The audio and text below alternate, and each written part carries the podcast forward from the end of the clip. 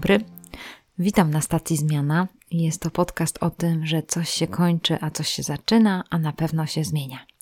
Witam Was Kasia Michałowska oraz mój gość Kamil Stanuch. Dzisiaj porozmawiamy z Kamilem na temat dziwnej pracy i to jest właściwie taka rozmowa wyzwanie. Wywołałam Kamila do rozmowy na stacji Zmiana, że będziemy poszukiwali wspólnie jego zmian życiowych. Postaram się jak taki detektyw wyszukać tych miejsc, gdzie on miał jakieś punkty zwrotne w swoich decyzjach życiowych. Zobaczymy, czy się uda. Mam nadzieję, że to będzie taka rozmowa, przygoda. Zapraszam serdecznie do słuchania.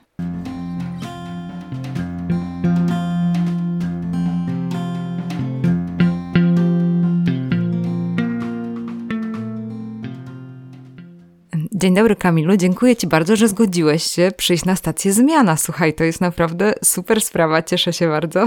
No to jest cała przyjemność po mojej stronie. Jest to chyba pierwszy podcast, w którym występuję. Bardzo się cieszę, że jestem pierwszą osobą, która Cię złapała i zaprosiła do podcastu, więc później będę mogła się cieszyć, że właśnie u Kasi Michałowski Kamil Stanuch był pierwszy raz w podcaście. A tak. może kiedyś będziesz sam swoje podcasty nagrywał, bo wiem, że o tym myślisz. Zarzuciłem ostatnio taki, taki pomysł. Ja raczej jestem osobą, która pewnie więcej czyta niż słucha, bo zostałem wysłany do przedszkola muzycznego przez moją mamę. Niestety po dwóch tygodniach zostałem z tego przedszkola muzycznego usunięty, ponieważ pani powiedziała, że no nie mam absolutnie żadnego talentu słuchowego i muzycznego, więc mogę przechodzić, ale nie na zajęcia. No więc to chyba jakoś ukierunkowało później moją karierę, że raczej nie słuchowo i może bardziej wizualnie albo w formie pisemnej. No to mnie zaskoczyłeś naprawdę.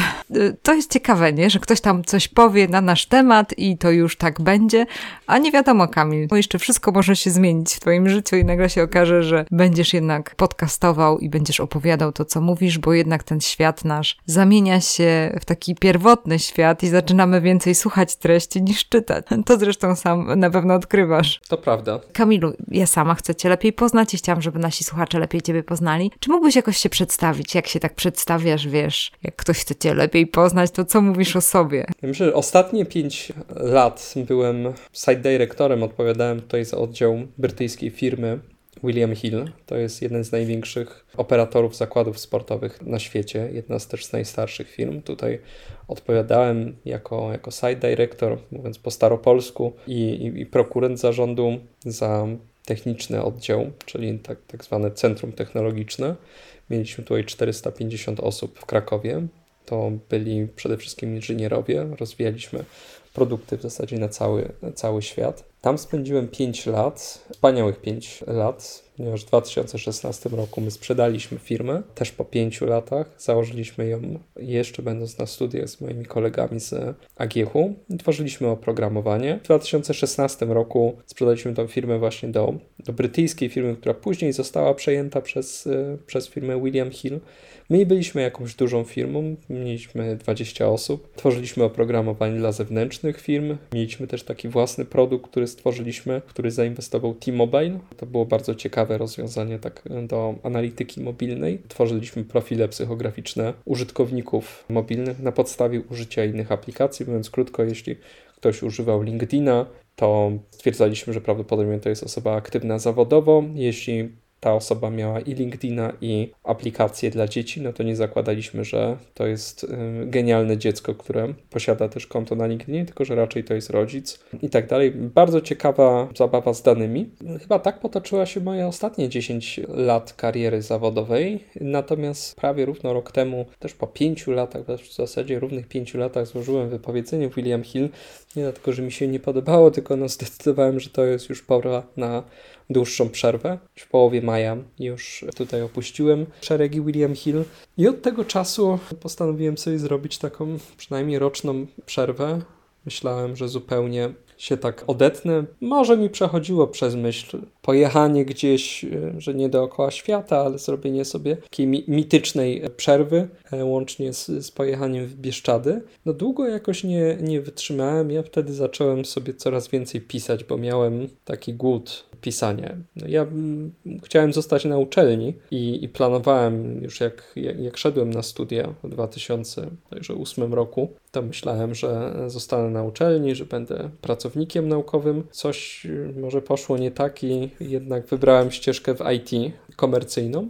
No ale y, chyba, chyba ciągnie wilka do lasu i brakowało mi tego, może takiego aspektu trochę niekomercyjnego. Znaczy ta akademia zawsze była bliska, też historycznie pamiętajmy, że jak byłem w Stanach, tam na uniwersytet jest z dala od miasta i większość kampusów jest z dala od miasta. Jak sobie historycznie popatrzymy też na klasztory, które były takimi instytucjami mhm. naukowymi, no to one też były gdzieś na odludziu, tam, żeby ci ludzie, ci, ci zakonnicy mogli pracować.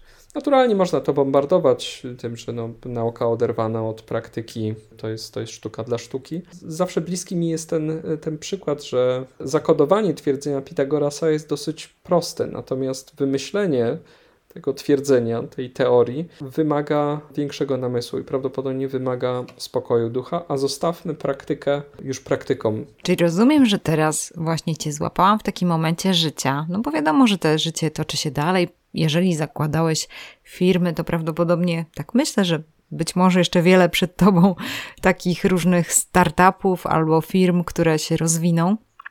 Ale w każdym razie wydaje mi się, że cię złapałam w takim momencie życia, kiedy tak jak powiedziałeś, robisz sobie taki, taką przerwę, czyli nie wybrałeś podróżowania po świecie, tylko wybrałeś to, żeby czytać, pisać i tak naprawdę Kamil Stanuch wykonuje teraz taką pracę, tak chyba mogę to nazwać, że ty jesteś kuratorem treści. Czy tak, czy to dobrze, Kamil, mm, jest określone? Chyba, chyba tak, kurator treści. Wiesz co, czytać zawsze, chyba więcej czytałem, z tego względu, że w liceum zawsze mówię, że no, wygrałem dwie najmniej praktyczne olimpiady w historii dziejów, czyli z łaciny i z filozofii.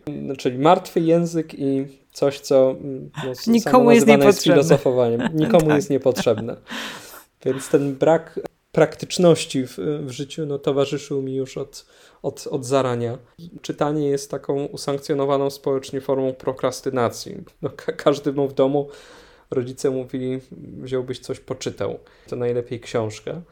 Ja miałem taki trochę głód wyrzucania z siebie, to znaczy outputu, no bo bardzo łatwo przyjmujemy wszystko i, i, czytanie, natomiast to, że nic z tego nie pozostaje na zewnątrz, twierdziłem, że to jest troszeczkę ułomność. Mm, przepraszam, jak to, jak to ujęłaś? Y, kuratorem. Tak, treści. że jesteś kuratorem treści. Tak. Mhm.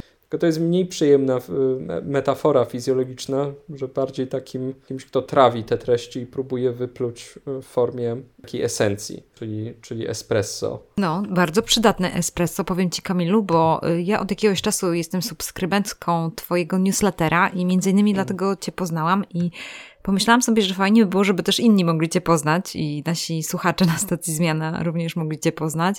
Otóż powiem Wam, że y, Kamil robi takie mm, ciekawe notatki, wybiera według siebie różne informacje, statystyki, analizy, jakieś newsy, y, które wybiera według swojego kryterium i zaraz Cię zapytam, jakie to jest kryterium, ale również, co jest mega praktyczne i to bardzo lubię, robi takie obszerniejsze notatki z książek.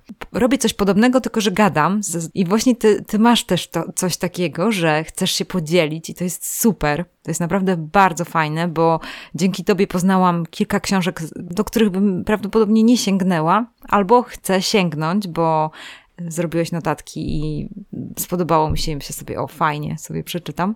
Ale powiedz mi właśnie według jakich kryterium ty wybierasz te notatki, jak to, jak to wygląda, jaki mhm. sobie przyjąłeś klucz do tego? Dobre pytanie. E, jeśli chodzi o te podsumowania newsów, takie pięciopunktowe, to może jeszcze tu muszę dodać, że moja kariera akademicka no, wyglądała tak, że licencjat studiowałem na międzywydziałowych studiach literatury i filozofię. Mhm. Później pojechałem do Stanów na trzy miesiące.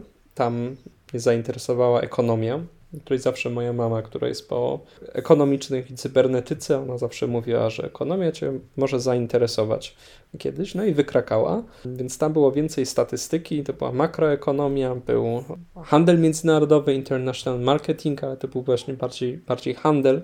Wtedy jak wróciłem, to postanowiłem, że już na studia magisterskie wezmę statystykę i, i badania.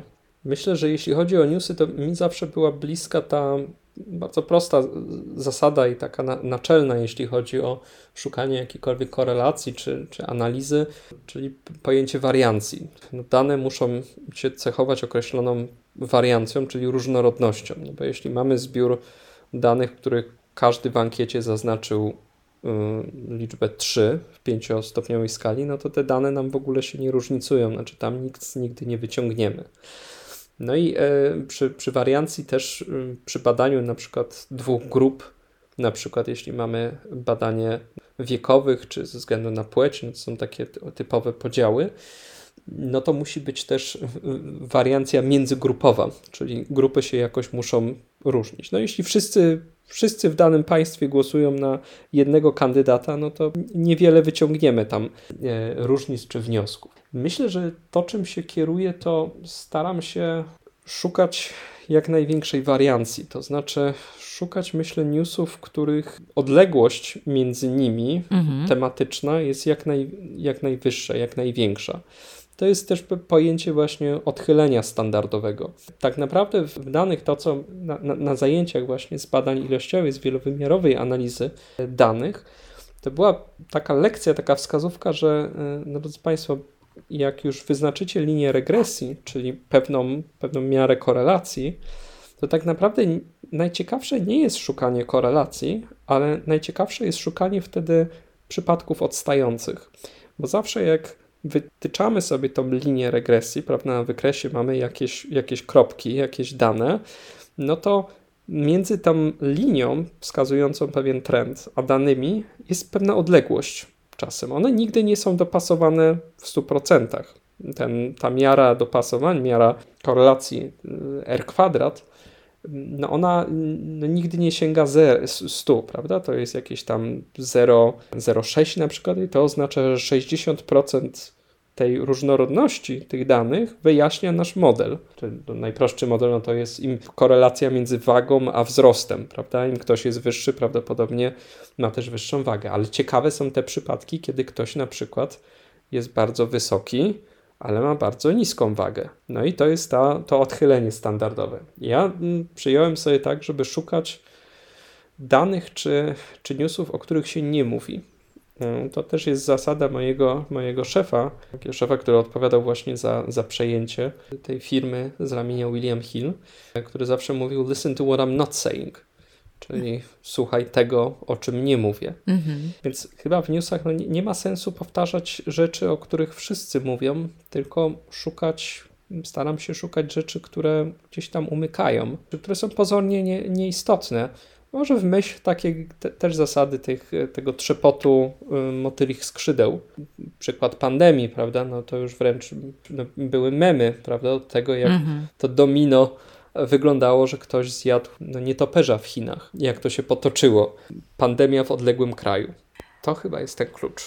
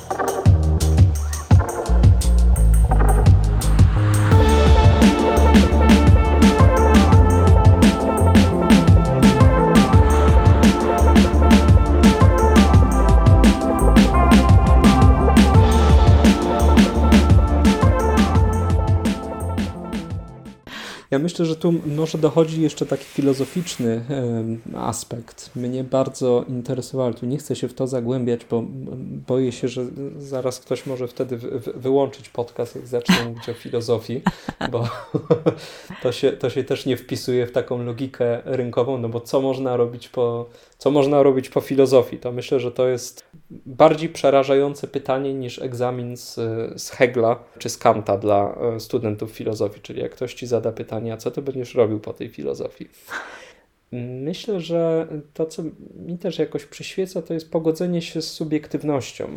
Bardzo jakoś premiowana jest taka obiektywność, mówimy prawdę, my staramy się od, oddzielić prawdę od fałszu, natomiast y, nie jakoś po, pogodziłem się z tym, że nie, nie, sta, nie silę się na obiektywność, bo, bo trudno ją jest uzyskać, natomiast y, silę się na pewną subiektywność pewnego spojrzenia. Fascynowała mnie fenomenologia, która no, była tą taką dziedziną filozofii w, w teorii poznania, która zakładała, że nie analizujemy świata, tylko analizujemy fenomeny. No ale może nie będę już kontynuował mhm. tego filozoficznego aspektu, natomiast y, godzę się z subiektywnością i zawsze zaznaczam, ja albo nie jestem ekspertem, to mnie zainteresowało, no bo no, no jestem tylko Kamilem Stanuchem, nie, nie jestem koncernem medialnym. I, I, to oczywiście daje też taki wytrych, bo nikt mi nie może wtedy zarzucić, no ale Kamil, nie po, pokryłeś całego spektrum tematu. Ja mówię, no to nie taka jest moja intencja. Z drugiej strony mi się kojarzy to z tym, że, że funkcjonujemy w takich. Y Ojku, już muszę użyć tego słowa, chociaż unikam. Funkcjonujemy w takich y, informacyjnych y, konglomeratach, o tak, może inna, inaczej. Mhm. O, bardzo ładnie. Szukałam jakiegoś innego słowa do ciebie docierają ja, jakieś informacje i te informacje to są takie impuls, impulsy, które ty załóżmy tam zbierasz, czy śledzisz, czy widzisz, a one jeszcze są mm, przetrawione przez twoją osobowość i to jak, jaki mhm. masz kształt, co, co lubisz, gdzie widzisz te odchylenia standardowe, wybierasz to i podajesz, czyli osoby, które załóżmy biorą od ciebie te informacje, one muszą w jakiś sposób po pierwsze tobie zaufać i uznać, że ten twój jakiś tam system wartości czy system postrzegania świata jest ok. Więc wydaje mi się, że muszą tutaj być takie tak. dwa elementy połączone, żeby to zaistniało. Mhm. Zgadza się, tak. Ja nawet bym nie, nie wiem, czy użyłbym, że, że ok, mhm. bo to jest już takie. Aha, że to już jest ocenne. Mhm. To jest już ocena i to jest mhm. pozytywna ocena.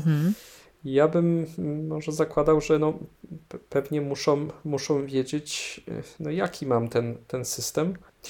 Tematy, których unikam, to jest polityka. Polityka w, w Polsce, bo zawsze ta najbliższa nam polityka jest nacechowana taką dużą dozą emocji, których nie da się e, usunąć. I to ja też przecież no, jestem człowiekiem z krwi i kości, mam też swoje poglądy, też mam e, pewien ogląd, e, pewien system wartości. Natomiast wiedząc, jak mogę być tutaj jakoś, jakoś bardzo subiektywny, czy mogę forsować jakąś swoją agendę, to staram się tego, tego unikać. Znając po prostu swoje, swoje ograniczenia e, ludzkie mhm. czy, czy błędy, które mogę popełniać. A Kamil, wiesz co, teraz chciałabym Cię o coś innego zapytać. Wiesz, tak mhm. jakby odchodząc od tego wybierania tych newsów i tego, o czym mówisz, to właśnie ta statystyka mnie bardzo zainteresowała, bo wiesz, jeżeli ty wybrałeś filozofię, jeżeli ty wybrałeś y, właśnie no, ten kierunek, ale jednak statystyka jest bardzo bliska nauką ścisłym, jak ty mhm. tutaj sobie poradziłeś? Czy zawsze miałeś taką, wiesz, y, no, byłeś lotny, jeżeli chodzi o matematykę? I, mhm. czy to jakoś dołożyło się do tego? Jak to wyszło, Kamil? Wiesz co, mm, ja też daleki jestem od takiej, takiej takiej dychotomii, czy takiej binarnej mm -hmm. opozycji. Mm-hmm, mm, przedmioty ścisłe, humanistyczne, my się trochę często sami y, upośledzamy tym powiedzmy, no po że nie, ja jestem humanistą, ja jestem umysłem e, ścisłym. E, Matematyka nie sprawiała mi jakoś problemu. Ja zresztą na przykład, co, co ciekawe, programowałem w, w Pascalu, jak miałem 7-8 lat, za, zacząłem wtedy. No, tata był, że tak powiem, no, od, od, od, że tak powiem, od kołyski komputer był, był e, u nas w domu. Mój kolega na osiedlu był rok starszy i on właśnie zaczął programować, więc ja e, też tutaj zacząłem bawić. Później to zarzuciłem, ale to, to, to nie jest jakaś czarna magia. Zresztą programowanie, a matematyka, e, oczywiście, że matematyka na pewno przydaje się przy programowaniu, natomiast wiele, wiele rzeczy no, nie wymaga znajomości matematycznej, to jest, czy, czy, czy jakiejś bardzo zaawansowanej ma matematyki. Czego? No podobnie statystyka, wychodząc na przykład od, y, od, od, od łaciny, łacina mnie, tak naprawdę łacina mnie nauczyła analizy, bo łacina jest językiem, jest językiem martwym, po prostu gramatyka, której się trzeba nauczyć i rozkładać zdania, które są e, bardzo złożone, próbować ten sens od, odnaleźć. Zresztą przecież lingwistyka te, tego typu mm, dziedziny są, no, są dosyć pokrewne naukom ścisłym na pewnym etapie. Lingwistyka czy jakieś modele językowe, sztuczna inteligencja, także to nie jest takie zupełnie od, oddalone. Myślę, że do tego nałożyła się jeszcze e, filozofia, która Filozofia mhm. nie jest niczym innym jak próbą zrozumienia czyichś myśli. No, mhm. Oczywiście nikt no, nie, nie, jest przekonany, że świat składa się z mitycznego arche, e, z wody, jak u, u, Talesa z Biletu, czy, czy, czy z ognia, jak u, u Heraklita. No i prawdopodobnie te wszystkie e, koncepcje, czy empirystyczne, XVII-wieczne, XVI-wieczne, no one oczywiście, że nie znajdują zastosowania, ale analizując te, te dzieła, te prace, no, tak naprawdę brodzimy w czyichś, w czyichś myślach.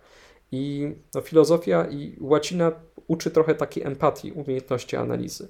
Ja bardzo lubiłem natomiast to, czym się w literaturze, co mnie najbardziej fascynowało i w czym się no, czułem mocno, to była mm, poetyka, czyli analiza tekstu.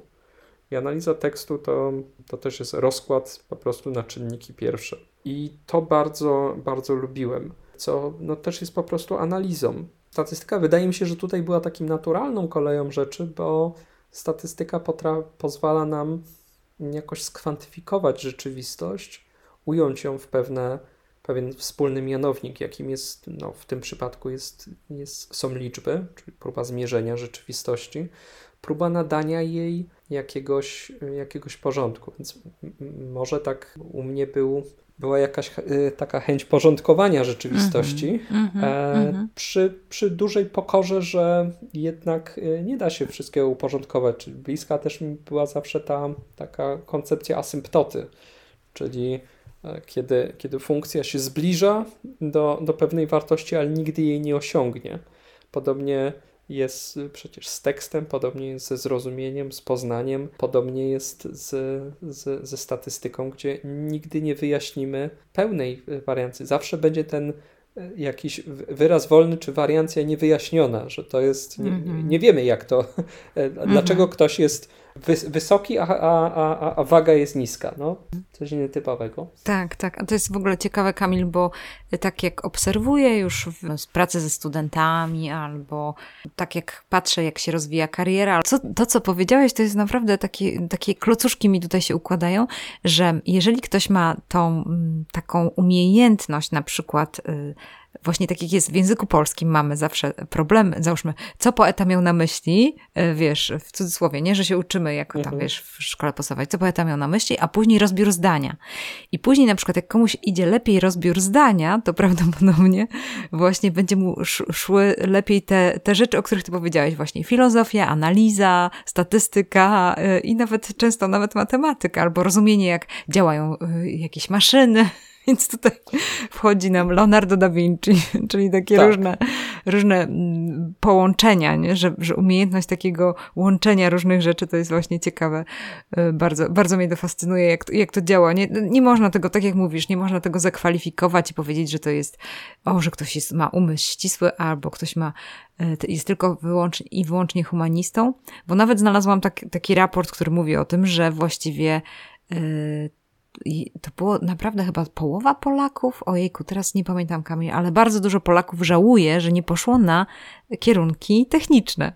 Y, w sensie mhm. w jakby w stronę ścisłego, y, bo na przykład y, nie wierzy w swoje siły. O, albo mhm, mieli, wiesz, tak. za, niską, za niską ocenę.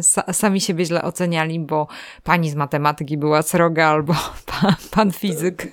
Więc tak to, tak. tak to czasami jest taki, taka, taki drobiazg i może tak naprawdę nam podciąć nogi i człowiek nie zrobi tego, co by chciał, nie? Nie, no zgadzam się, że to jest to takie, że się troszeczkę sami, sami może upośledzamy, czy znaczy żałujemy, no bo teraz jest też boom na zawody e, techniczne, ale no tak. wiesz, ostatecznie, ostatecznie i tak wszyscy kończymy w, e, w korporacjach. No właśnie. I, mhm. I do jakiego stopnia ta, ta nasza praca no nawet jak ktoś poszedł na kierunek ekonomiczny, gdzie ekonomia nie jest nauką ścisłą. Mhm. To znaczy, oczywiście no znów w ekonomii no, czy, czy finan no, finanse to, to, to, to może jest bardziej ścisła e, dziedzina, ale mm, no, ekonomia ma większy, wydaje mi się, y, ładunek z zakresu psychologii i no bo to są, to jest próba nałożenia jakiegoś modelu e, czy zrozumienia działań istoty ludzkiej, która no, wydaje mi się, że, że y, często już przekonujemy się, że to nie jest homo economicus, istota racjonalna, tylko działająca w wielu aspektach irracjonalnie, mm. to znaczy emocjonalnie. Tak. Więc, więc analiza techniczna, prawda? Mówi się, że analiza techniczna to jest y, astrologia dla białych kołnierzyków. Czyli analiza techniczna, analizowanie mm, samych wykresów i, i zmian ceny. No, a, a ekonomia, no ten, ten, ten aspekt matematyczny na pewno jest tam istotny, natomiast nie jest to, to wszystko i na pewno to jest zgubne, zakładając, że świat jest w pełni matematyczny. Chociaż liczba pi mnie fascynuje, powiem ci. Tak. To jest już magia, słuchaj, to jest filozofia. Tak. No. O, tak. Kamil, y, ale słuchaj, wiesz co, no powiem ci, że tutaj tak sobie siedzimy, gadamy na tej stacji zmiana, pociągi przejeżdżają jeden po drugim. Y, tam pewnie jakieś korporacje by ciebie chciały mieć bardzo, y, w sensie pociągi z napisem jedna korporacja, druga, takie widzę amerykańskie napisy na tych pociągach. Ale wiesz, powiem ci, że zastanawia mnie na przykład, co ci twoi rodzice myślą o tobie, co ty w ogóle robisz, chłopie, co to za robota? Jak ty im to tłumaczysz? E, wiesz co, tu nigdy nie było e, problemu. No ja e, zawsze, wiesz, jestem świadom tego, że bardzo, bardzo mi się w życiu dobrze potoczyło. No mhm. to jestem, wiesz, świadom tego, że no ja taką dużą, tak powiem, mm, klasową wrażliwość na, e, nabyłem w przeciągu ostatnich e, kilku lat. To znaczy, że wiesz, fakt, że nawet, że te olimpiady, że, że wygrywałem, że na, na, na studiach miałem stypendium ministra, no ale to wynikało wszystko z tego, że w domu no, dobrze się powiedziało. Ja byłem jedynakiem, mieszkałem w, w Krakowie, więc ja do trzeciego roku studiów mieszkałem w domu rodzinnym, więc no, no moje koszty y, życia nie, nie, były po mojej stronie. No, no jedyny tak. obowiązek, jaki miałem, to wyjąć naczynia ze zmywarki, więc y, rodzice mi dawali dużą przestrzeń. Wiesz, no, nawet właśnie pojechanie gdzieś na konferencję, gdzie konferencja oczywiście e, też przekłada się na punkty do stypendium. Więc to jest taki, y, wiesz, zamknięty krąg, więc ja, ja nigdy nie mówię, że no, doszedłem do sam do tego. Oczywiście no, są, są osoby, które są dobrze sytuowane, czy mają, mają z górki w życiu, no ale nie, nie, nie, nie wykorzystują tego. No, tata na pewno w, hucie, w Nowej Hucie to podejrzewam, że był pierwszą osobą, która miała komputer, bo on się tym bardzo wcześnie za, zainteresował. Zresztą też kończył religioznawstwo, mhm. e, zupełnie nie powiązane z, z pracą. Tata był najbliższy technologii. Zresztą pamiętam, jak mi jak był przecież jednym z pierwszych. on zajmował się właśnie e, później dziennikarstwem, tworzył ten dział komputery i biuro w gazecie e, wyborczej, to było na początku lat 90. I pamiętam, że e, jak był na konferencji w Seattle na premierze Windowsa 95 bodajże. Mm -hmm. Pamiętam, że mi przywiózł autograf Billa Gatesa. Ach, to, proszę. To jest, to jest, ja byłem mały i to był autograf, mówił, że to jest autograf najbogatszego, e, podpis najbogatszego człowieka na, na świecie. I później mi jeszcze załatwił autograf Roberta Makłowicza, który też był z gazetą wyborczą. Więc dla mnie to były te, te autografy były równorzędne, no bo Roberta Makłowicza kojarzyłem z telewizji, no miałem tam 8, 8 lat, więc jak widziałem, że Robert Makłowicz jest z telewizji, no to to jest równorzędna postać z kimś, kto jest najbogatszym człowiekiem na ziemi. Gdy nie, nie padało właśnie pytanie, a co ty będziesz robił po tym, tylko było takie założenie, wy, wykombinujesz coś.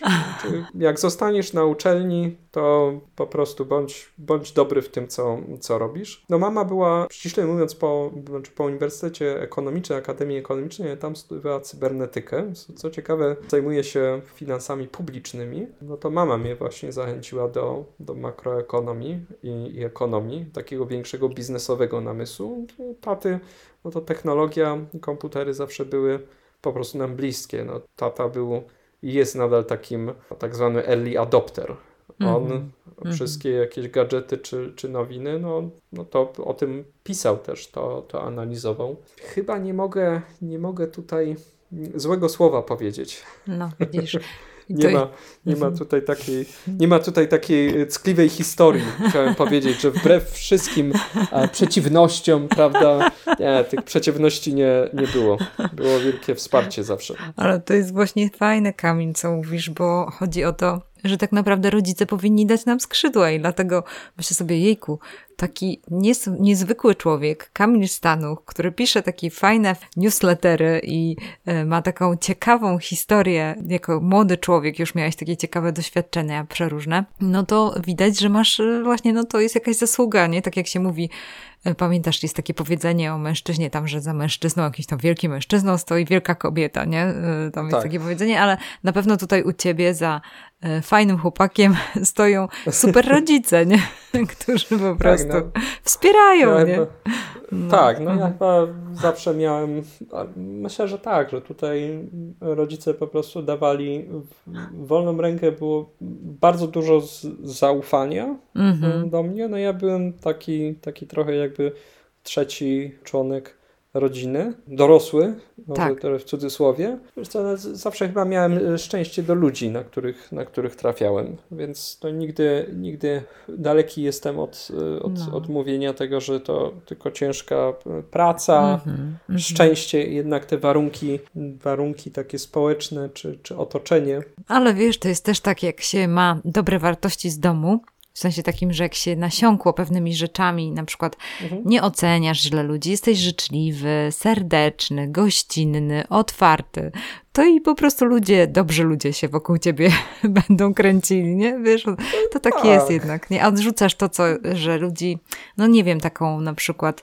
nie wiem, że, że tego nie było w domu, nie wiem, takiego krytykowania, albo wiesz, oceniania takiego, albo wiesz, właśnie o, mm. takiego przenoszenia lęków, y, jakichś takich złych, to wtedy to jednak jest, no ma to znaczenie, mi się wydaje. No jednak, Oczywiście, no. że wiesz, że, że, że to nigdy nie jest y, jakaś taka, taka, taka sianka. Myślę, że tutaj po prostu był odpowiedni no balans, nie? To, tak, o... tak. Dobrze, to, dobrze to, to zagrało. U nas faktycznie w rodzinie był duży taki miks, bo Dziadek był z kolei pisarzem i krytykiem literackim. Babcia, matka, matka z kolei ojca, no to była ginekologiem, była też poetką, więc to taki zupełny mhm. tutaj, tak. tutaj miks. Od strony mamy z kolei prababcia na przykład była krawcową. Ta, ta różnorodność, ona chyba zawsze daje ciekawe, ciekawe rezultaty zawsze człowiek e, ma te granice podejmowania ryzyka też, nie? Mhm. Że, że tak. po prostu e, pewnie u jednych to będzie większe większe granice, u innych mniejsze. I to też jest właśnie w, w, obrębie i też i wartości, i też tego, co, co dostaliśmy, jaki mamy bagaż, czy mamy y, przy nogach uwiązane, wiesz, kule, czy tak naprawdę mamy skrzydła, mhm. które dostaliśmy mhm. od rodziców, to też wiele zależy od tego, no bo tak jak powiedziałeś, że zdecydowałeś się na to, żeby z rozumiem, że ze znajomymi, tak ze studiów, założyć biznes, tak? E, to dobrze cię zrozumiałam, tak, Kamil? Tak, tak. Wiesz co? To... No i to jest ryzyko, no to jest ryzyko. No tak, tylko wiesz co, z ryzykiem znów poruszyłaś myślę ciekawą sprawę.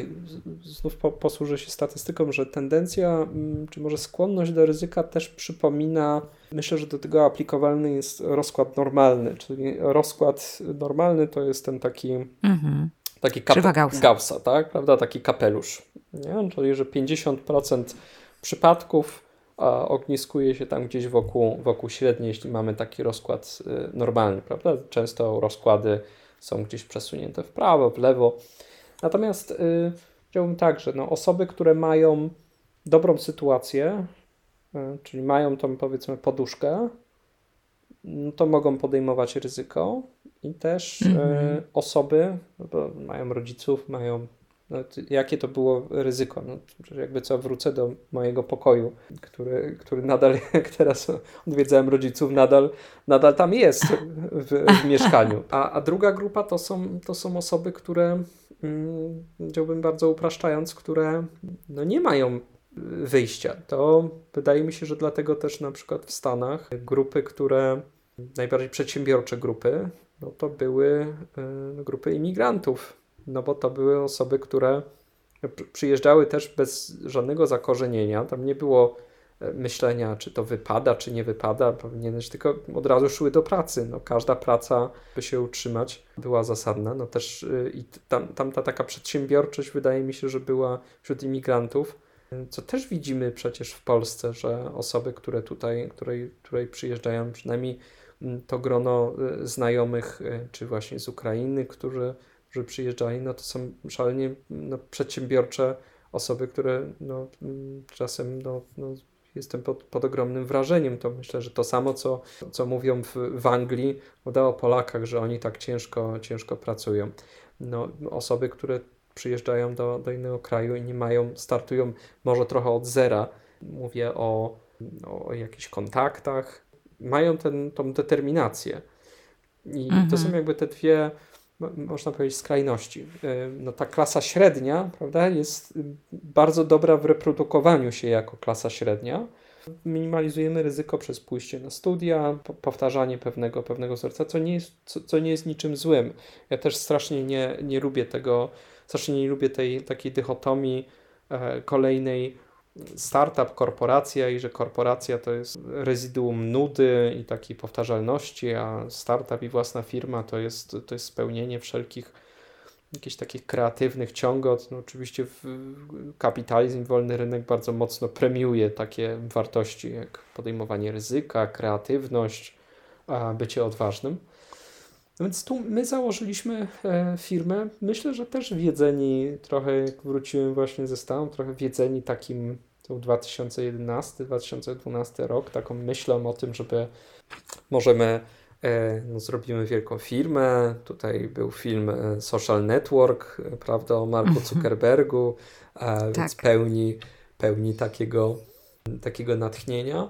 To się wtedy też zaczynał ten trochę boom na startupy. Pamiętajmy, że to było po 2008 roku, 2009, kiedy no, inwestycje w nieruchomości zupełnie siadły, więc no, rynek pewnie zaczął też szukać innych aktywów, które byłyby skalowalne. No, firmy takie jak Google super zaczęły rosnąć. Okazało się, że stopy zwrotu z tego typu przedsięwzięć są bardzo atrakcyjne, bo sky is the limit i ekonomia skali przy stałych kosztach daje mm -hmm. możliwość powiększania tych. No, oczywiście my nic nie wiedzieliśmy, raczej to był taki tak zwany kult cargo, czyli coś powierzchownie e, kopiujesz, myśląc, że no tak jak w Dolinie Krzemowej, jeśli siedzą na beanie bags i chodzą w bluzach z kapturem, no to wystarczy to, to robić. No ale założyliśmy firmę, najpierw zro zrobiliśmy taką aplikację, to był Mateusz i Kamil, oni byli właśnie z Agiechu, Kamil był a, programistą iOS, Mateusz e, e, Androida, no i tworzyli taką aplikację, poznając właśnie znajomy,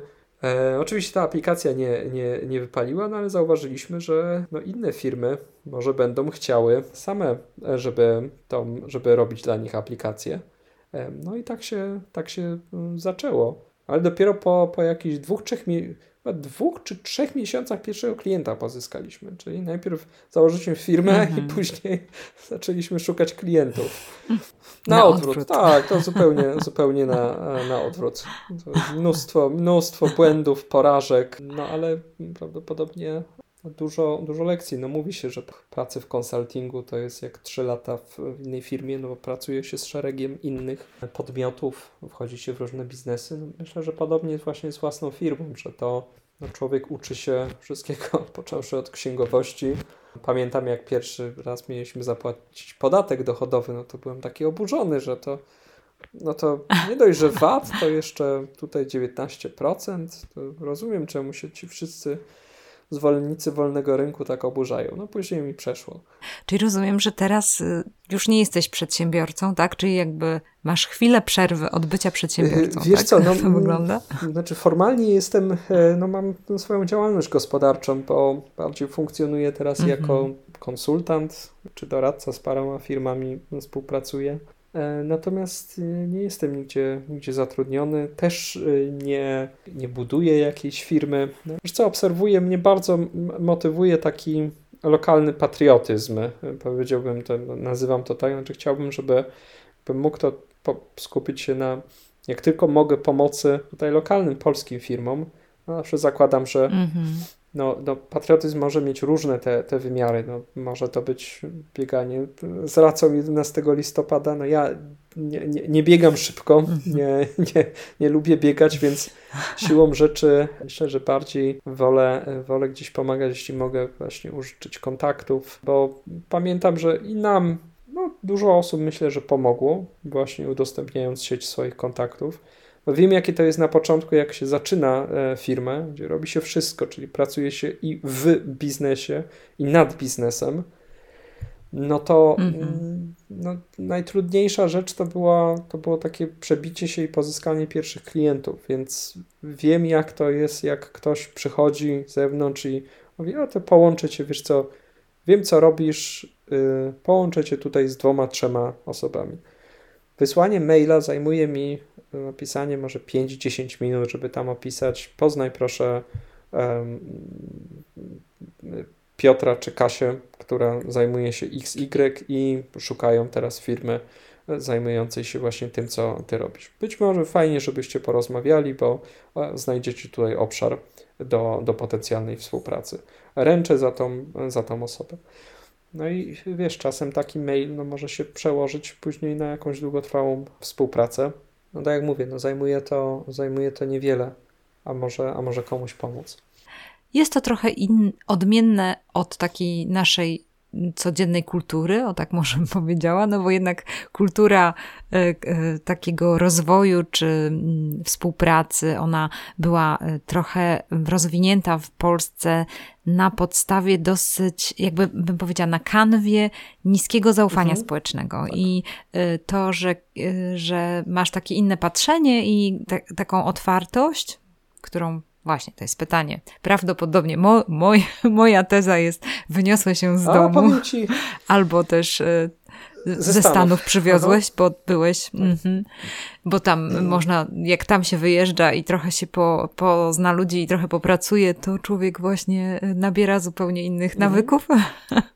No i to jest bardzo cenne. To tak. jest cenne. I możesz wtedy to przełożyć na te lokalne, właśnie na ten lokalny patriotyzm, czyli działasz lokalnie, a myślisz globalnie. Tak. Jak to mówił I, Tak, Buzek. ja myślę, że na pewno, na, pewno, na pewno w Stanach, gdzie jest y, większe zaufanie, ale też bym nie gloryfikował tak Stanów i nie mhm. demonizowałbym Polski tutaj, tutaj, tutaj y, tak, społeczeństwa. oczywiście. Ja też nie chcę, tak? Nie chcę, oczywiście, ale jednak wskaźnik zaufania, jak się popatrzy w statystyki, wiesz, że jest dosyć niski. Tak, tak. No, co z tym jest i co się z tym wiąże. Że, że, że posługując się takim mm, to by była, no wytworzyła się taka próżnia społeczna, to znaczy gdzieś poprzedni, poprzedni ustrój oczywiście mm, przyczynił się do tego, że między tą sferą prywatną a państwową była próżnia. No nie było, wszystko było zapośredniczone przez państwo, do którego siłą rzeczy było średnie zaufanie, więc każda jakaś inicjatywa też była mm, oczywiście tym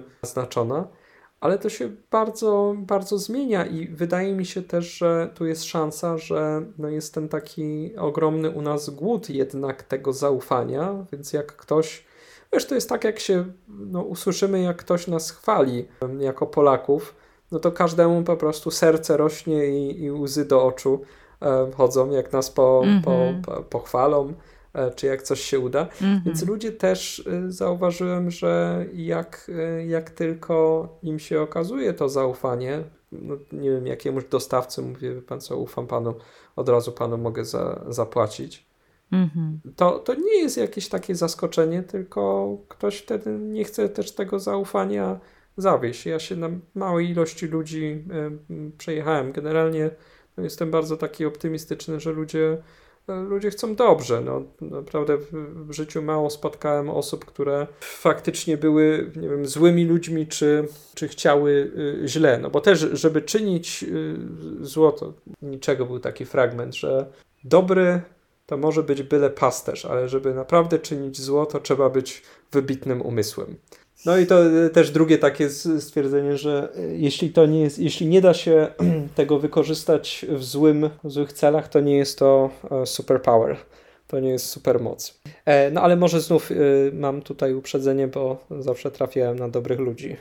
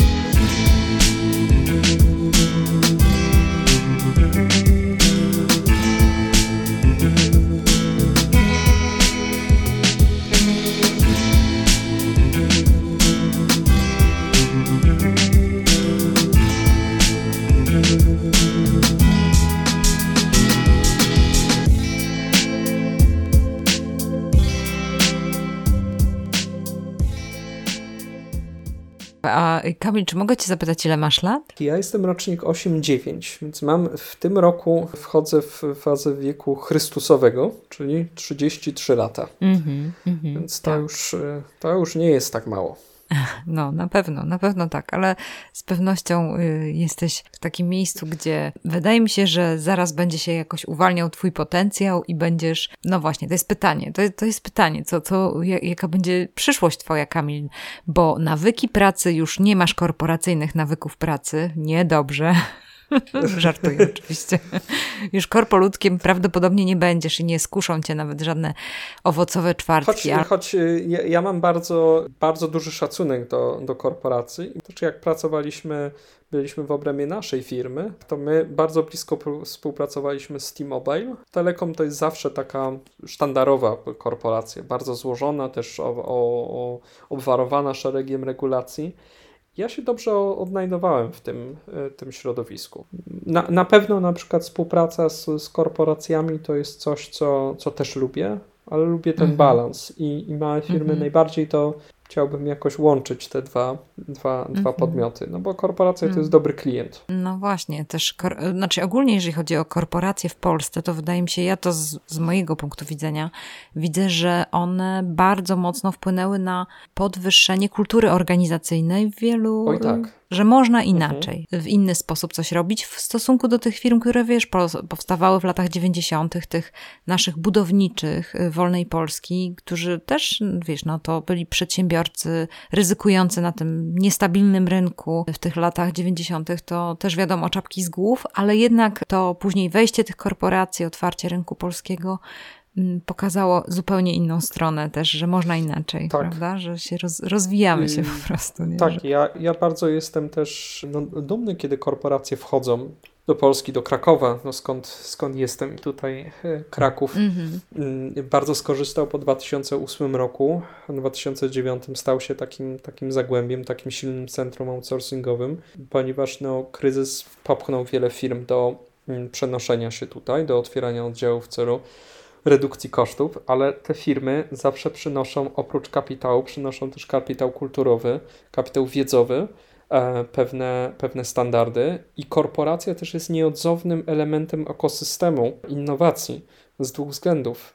Po pierwsze, przynoszą te rozwiązania technologiczne, przynoszą wiedzę, ale drugie też korporacja daje Mm, tym ekosystemie daje taki e, przestrzeń, taką poduszkę bezpieczeństwa. To znaczy, jeśli ci nie wyjdzie, to e, rynek pracy jest na tyle płynny że mm, prawdopodobnie znajdziesz pracę w, w dużej firmie. To jest taki soft landing. Mhm. Korporacje też e, mhm. są o tyle istotnym elementem, że korporacje no, chętnie przejmują e, mniejsze firmy. To jest bardzo korzystne też dla nich, no bo mają takie wy, wydelegowane gdzieś na zewnątrz centrum innowacji czy eksperymenty, które, których firma nie jest w stanie powiedzmy ze względu na jakiś taki kwartalny kapitalizm, że no co kwartał trzeba jednak pokazywać wyniki E, trudno czasem przekonać akcjonariuszy do podjęcia jakiegoś ryzyka, no więc to ryzyko jest wydelegowane na zewnątrz i w momencie, kiedy e, firmie, e, mniejszej firmie wychodzi, no to tą, tą technologię czy rozwiązanie może przejąć. Więc dlatego no bardzo nie lubię, jak ktoś tak, tak mówi, że korporacje to zabijają kreatywność. No nie, one są, one są właśnie niezbędne do tego, żeby ktoś jednak mógł sobie pozwolić na tą e, kreatywność. To tak jak na, narzekanie mm. na mhm. rodziców, że rodzice, rodzice e, ci, ci każą posprzątać pokój i że cię ograniczają. No ograniczają cię, tylko że z drugiej strony dają ci dach nad głową, dają ci jeść i ty czasem tylko musisz pokój swój posprzątać, więc... Okej okay, Kamil, no słuchaj, będziemy lądowali w naszej mhm. rozmowie, ale właśnie mm, tak jak myślę sobie o tobie, o co chciałabym cię zapytać, to chyba jednak wrócę do tych twoich źródeł, wiesz, i do tej filozofii. Mhm. I tak myślę sobie o tym, e, tak jakoś mi tak chodzi po głowie, bo oprócz tego, że no bardzo mi się podobało te twoje poszukiwanie odchyleń standardowych i tym bardziej zachęcam wszystkich do, do tego, żeby czytali ten twój newsletter, bo jest naprawdę ciekawy. Dziękuję. Ale właśnie mm, pomyślałam sobie o tym, że jakieś sformułowanie filozofia zmiany, bo my wiesz, jesteśmy na stacji zmiana, mhm. nie? I wiesz, tutaj takie różne, e, różne rzeczy dotykamy. I tak, tak się zastanawiam, czy coś ci przychodzi do głowy, jeżeli chodzi, jak, jak mówię, właśnie filozofia zmiany. Może jakiś myśliciel, który to rozpisał. No, no tak, no zmiana to, to, już, to już Heraklit, prawda? I tak jest tutaj, wszystko jest zmianą. Mm. Przecież teraz, teraz mamy specjalistów e, change, change management, zarządzanie e, zmianą. No właśnie, tak. Prawda? No i też, tyle się tam. No i tak. też sam cały, cały kapitalizm i wolny rynek no, forsuje na nas, że musisz być nieustannie elastyczny i, i zmienny. Mm -hmm. Chyba bardzo bliskie mi jest takie określenie Marka Andreessena, to jest jeden z takich, Andreessen Horowitz to jest taki topowy fundusz e, amerykański inwestujący w nowe technologie. Mark Andreessen zresztą był założycielem Netscape'a, czyli tej pierwszej przeglądarki.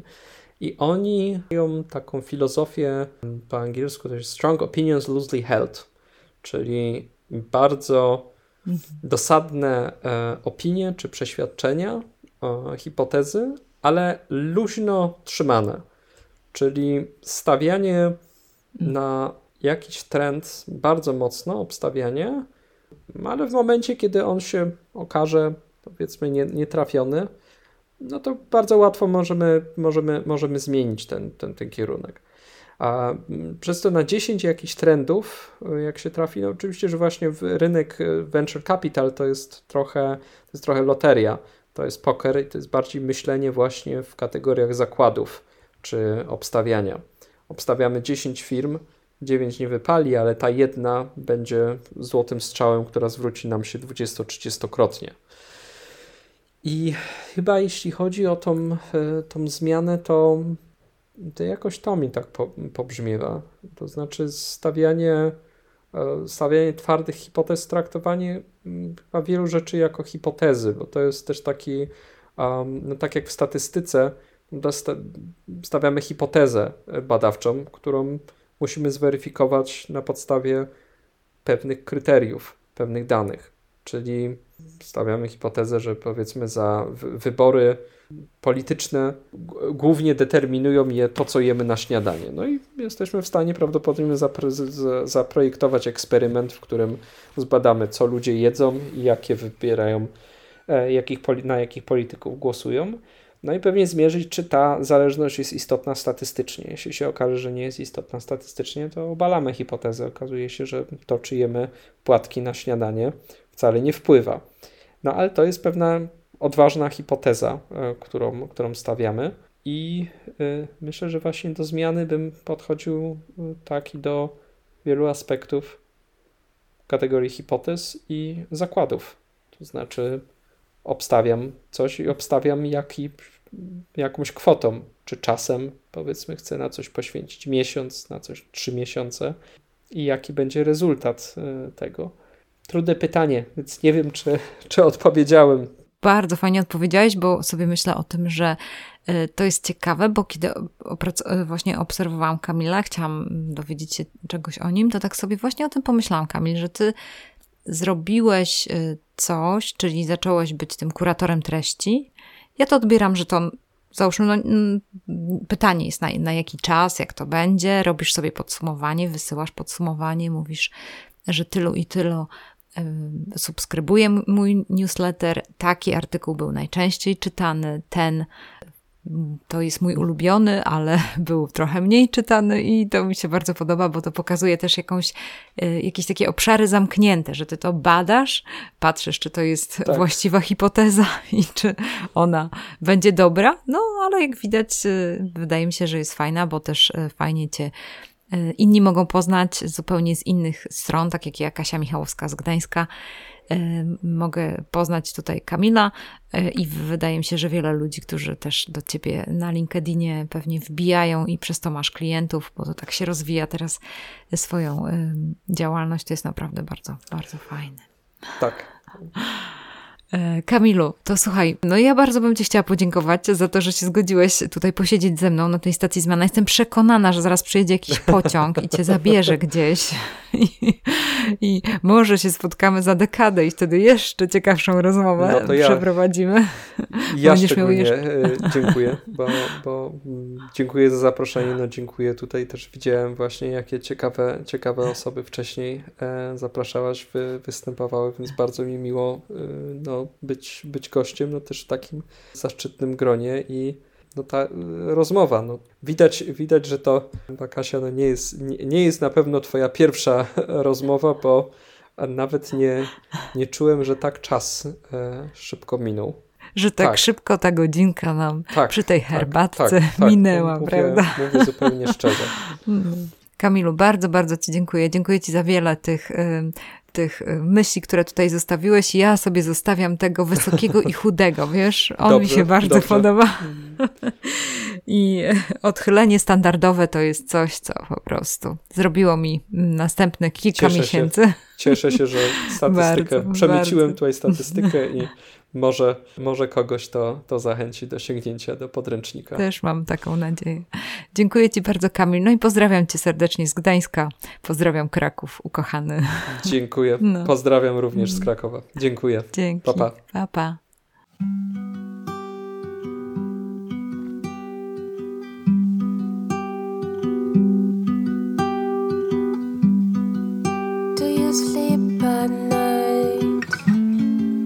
I sleep pretty well. And the nightmares, well, they come and go.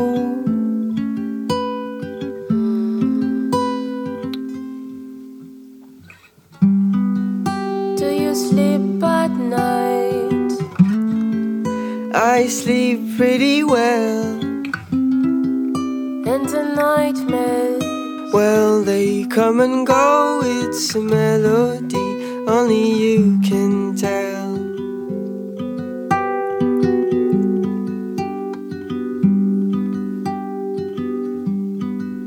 But do you like it here? Is it ours to share? These bed and dreams? I don't know yet. Are we the ugly ones so handsome